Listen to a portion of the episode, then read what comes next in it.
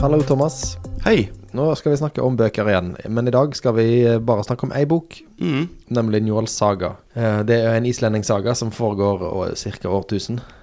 Ja. Eh, Jeg må si at islendingesagaer det er en sjanger jeg har et litt anstrengt forhold til. Ja.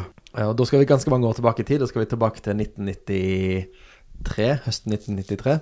Da hadde jeg begynt i andre klasse på videregående, og vi hadde begynt å ha om islendingesagaer på skolen. Mm. Og jeg hadde avslutta første klasse som en sånn skikkelig stjerneelev i norsk med toppkarakter og god gang. Og så hadde jeg brukt sommeren 1993 på å lese musikk, musikkbladet Beat, for de som husker det. Og det var et norsk blad med veldig kunnskapsrike og eh, veldig eh, breiale skribenter. Sant? De hadde peiling, og de var store i kjeften, Mm. for å si det enkelt. Og jeg hadde jo da eh, selvfølgelig et mål om å bli akkurat sånn som de. Ja. Så når vi da i begynnelsen av andre klasse på videregående gikk i gang med å lese soga om Gunnlaug Ormstunge, ja. Det jo så skulle vi skrive en tekst ut eh, om den, da. En eh, analyse, eller hva det nå var. Og den, da skrev jeg en, en, eh, en ramsalt, ironisk, harselerende tekst Ja. om hvor klisjé, kl- klisjéfylt islendingsaga det her var. Med disse eh, versene de sa før de døde, og Ja. disse uendelige navnene, na- navnerekkene. Ja. Og jeg fikk, eh, jeg fikk ikke så dårlig karakter, men jeg fikk veldig dårlig tilbakemelding. For at dette her var bare flåsete og brå kjekt, og dette her måtte jeg bare slutte med med en gang. Ok. Var det samme norsklærer som du hadde hatt før? Det var samme, okay. norsklærer- samme norsklærer som før. Hva skjedde med min elskede Åsmund, liksom? Yes, da. Hva skjedde med han i løpet av sommeren? Så da eh, Nei, det, det er nok den mest drepende kritikken jeg har fått på noe jeg har skrevet noen gang. Så for meg så er islendingssagaer et litt sånn eh, mørkt kapittel i Ja. min skrivehistorie. Ja. Altså, eh, Njål Saga står jo i eh, Står litt for seg selv blant islendingssagene, for den er jo vel Altså, de fleste av dem er jo ganske korte. Jeg husker den Gullnøy Gormstunge er jo bare liksom, jeg vet ikke, ja, 70 sider, eller den er veldig kort. Ja. Mens Njål Saga er jo opp mot eh, ca. 300 sider. Eh, men det er en utrolig bra bok, da. Ja. Til gjengjeld. Ja. Eh, men jeg tenkte jeg skulle se litt sånn eh, Grunnen til at vi skal snakke om akkurat denne boken i dag, så er det fordi at det er et eh, samarbeidsprosjekt mellom eh, eh, Danmark, Norge og Island. Om det formålet er å formidle litteratur på en litt annerledes måte. da. Så det er et eh, eh, designfirma på Island som har lagd en installasjon Eh, som da eh, først har vært et par måneder på Island, og så blir sendt eh, hit. Og så skal den videre til Danmark. Og så tror jeg Sverige har hengt seg på, har jeg fått for meg. Ja. Mm. Og da den, eh, Det er en som maskin som egentlig skanner ditt ansikte og etter følelser. Hva ditt ansikt uttrykker, da. Eh, og det er fordi at eh, i Njål Saga så er det så utrolig viktig hvordan man framstår. Hvordan folk oppfatter den, og hvordan man blir sett av andre. liksom. Det er liksom det er alt. Eh, og da Den maskinen er liksom på en måte eh, viser hvor lett det er å ta feil, og at man kan, man kan være falsk. og ja, Så det, det er måte å begynne å snakke om klassisk litteratur på, da. Mm. Og så nå når vi er her, så har vi et sånt opplegg der vi tar imot eh, videregående klasser eh, som får en time eller en halv time eh, der vi snakker om islendingssager og Njål og de eh, går igjen den her eh, skanningen, og så svarer de på litt spørsmål, og så er det en eh, islandsk poet som har laget en film til oss, der hun snakker litt om Njål og hun leser et dikt, og hun gir en liten oppgave. Så det er en veldig sånn bra og bred innføring i islendingsaga og klassisk litteratur, og um, liksom dannelse, på en måte. Og alle som har vært hittil, har syntes det var eh, skikkelig gøy. Hvem, det, mm, hvem passer dette for, vil du si, aldersmessig?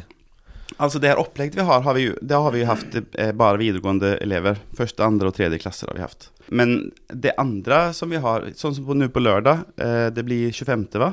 Da kommer jo hun eh, Gerdur Kristny og har klassikerlørdag om, om Njål Saga.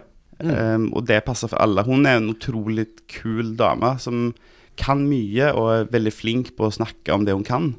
Uh, og hun har også har vist at uh, islendingene er fortfarande veldig opptatt av islendingssagene og Njål Saga. Og de bruker det nesten som Hun sier du trenger ikke lese hele, du kan bare slå opp et sted, og så leser du litt. Og så får du noen nye tanker, eller eh, Hun har også litt, gått litt dypere på en måte med, med Altså det, jo, det her er jo på en måte for å vise at klassisk litteratur er, er verdt noe i dag. Så hun viser hvordan man kan bruke det i dag, da. Ja, det er jo en nasjonalskatt på Island, Ja. eh, sagaene deres. Ja. Med god grunn. Mm. Eh, Når jeg eh, Wikipedia meg opp på Njål-saga før vi skulle snakke sammen nå, så det som slår meg, er jo at uh, islendingsagaene har jo Njål-saga og ganske mye vold. Mm. Mens Island i dag er jo verdens fredeligste samfunn. Mm. Hvis en ser på drapsraten i Europa, så er det bare Andorra, Vatikanstaten, San Marino og Liechtenstein som har færre drap enn Island. Så hvor, når bikka de fra å være dette ære, blodhevn, samfunnet som vi leser om i sagaene, til å bli det i dag? Det lurer jeg på. Ja, det kan altså- kanskje ikke du svare på, men det Jag, jag kan ha en tanke om det, eller, liksom, eller det kan jeg vel ikke, men jeg kan fortelle hvordan det er at den er veldig blodig som sagt. De dreper ju utrolig mye folk. Og de som bor på Island denne tiden, det er jo ikke så lenge Altså, de har bodd på Island kanskje 100 år. Eh, det er ikke så lenge siden de kom fra Norge, da. Og de ville ikke bli styrt av en konge, så derfor så stakk de av til Island. Og så eh, er det jo ingen som helst makt der. Det fins ingen som bestemmer. Så begynner de jo eh, Siden de har den kulturen da med hevn, så eh, bygger de opp lover, og en av verdens eldste ikke domstoler, men sånn folketing, da. Og, så de har veldig fine lover, men de har jo inget samfunn der det fins noe som gjennomfører lovene. Sant? det fins ingen politi. Det fins inget rettsvesen egentlig. Sånn at du er nødt til å ha eh, kontakter og familie for å få din rett. For om du blir tildømt Ja, de har drept din far, da, har du rett til å gjøre sånn og sånn. Men om du ikke er sterk nok til å gjennomføre den dommen, så er det ingen annen som gjør det for deg. Så det er sånn samfunnet er bygd opp, da. Ja. Så de, bygger, de lager de her lovene og stør, mer og flere ting eh, for å eh, stoppe drapingen. Mm. Men det hjelper ikke for det om noen ikke er fornøyd med å få penger for et drap, Mm. så går de til hevn likevel. Og så i løpet av boken da, så blir jo Island kristne. Og da er de to hovedpersonene i slutten de går på hver sin sånn, eh, pilegrimsferd til Roma. Og når de kommer tilbake, så tilgir de hverandre. Og så skal det jo Ja. sies da at boken er jo skrevet av kristne menn eh, et par hundre år efter ja. det utspiller seg. Så, så moralen er her se så ille det var før, men etter Ja. kristendommen kom, så har vi slutta å oppføre oss sånn. Ja, det er vel kanskje moralen, men da tror jeg de har glemt seg litt. For den store tingen som er i, i Njåls saga, er jo når Njåls hus brenner ned med Njål og egentlig hans familie i da. Og det er jo en mordbrann som hans motstandere har satt fyr på. Og um, de er jo kristne, eh, begge parter her, mens de brenner ned. Og han sier, han som gjør det, Flose, han sier dette kommer ikke enda vel for oss, liksom, men det vi, om vi ikke dreper alle de her nå, så kommer det aldri ta slutt. Eh, så Ja. selv om de er kristne og dreper andre kristne, så, så har de fortsatt den der hevnen i seg, da. Ja, nettopp. Mm. Hva er det viktigste du tar med deg av kvalitet i den boka? Eh, jeg er utrolig imponert av eh, Altså, det, det skal si, altså, du må liksom komme over en liten hump eh, med For det som du sier, med sånn oppramsinger av slekter og sånn. Eh, at det blir litt tungt i begynnelsen, men det varer ikke så lenge. Om du, om du kommer over den kneiken der, så er det jo egentlig fem fortellinger, kan man si, i boken. Det, den foregår under såpass lang tid at det er ikke alle Det, det er ikke samme mennesker gjennom hele boken. For folk blir jo drept underveis. Så det er liksom først tre deler som handler om tre ulykkelige ekteskap. Som eh, har alle sammen med en, dame som heter Hallgerd å gjøre, som er ganske he- hevnlysten av seg. Eksempel blir Gunnar, som en av hovedpersonene, blir drept eh, fordi hun nekter å gi ham litt av sitt hår, så han kan lage en ny eh, st streng til sin bue. Og så, for han blir angripen, så sier hun 'Hvor viktig det er dette for deg?' Da sier han 'Det står om mitt liv'. Da svarer hun eh, 'Det er samme for meg. Hvor lenge du lever. Husker du den gangen du ga meg en ørefik?' Det var ti år siden, kanskje. 'Ja, jeg husker det. Ja, ok.' Da, da får du inget hår. Så eh, det er de tre ekteskapene, og så er det eh, to deler der det handler mye om hevn, og så den siste med eh, tilgivelse, da. Ja. Men så det er liksom eh, Det er imponerende at eh, de klarer å uttrykke så mye uten å For det er en sånn veldig restriktiv måte å skrive bok på, for at fortelleren kan ikke vite noe som ikke han egentlig på en måte selv ser. Ja. Så han kan bare Han kan ikke eh, si ting om hva noen tenker, han kan Mm. bare si hva de gjør. Og om, et, om noe har skjedd på et annet sted enn der han er, på en måte, så kan han ikke Da kan han bare se hva som er resultatet av det. Så det, Ok. mm, Ja, altså at fortelleren er et slags kamera? At, han Ja. han er Han bare observerer det øynene får med seg? Og, Ja. ja. Og legger ingen vurderinger i noe, eh, egentlig. Noen få ganger sier han at det, var, det er en veldig hevngjerrig mann, eller en, en ond mann, men han sier ikke eh, mye mer. En voldsom mann, til eksempel, eller en hevngjerrig kvinne, og sånt som det, da. Men han, han lägger inte, han dömer inte folk, han bara skildrar vad som händer och så får du Mm. dra dina egna slutsatser. Um, och så är det en sån intressant eh, ting att vissa gånger så kan det vara en sättning eller två sättningar som, som visar att det har gått ett år. Och så andra gånger så kan det vara fem sidor som handlar om en liten kamp.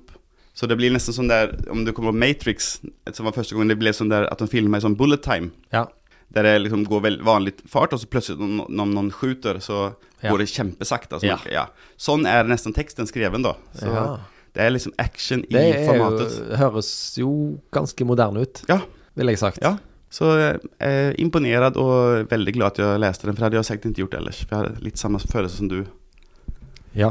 Og så vil jeg si en sak. Det er en ting, en følelse som er uttrykt i hele boken, da. Ja. Og det er han Njål, hans eh, han, Det som setter i gang det verste hevnen, er når Njåls fostersønn blir drept av hans ordentlige sønner.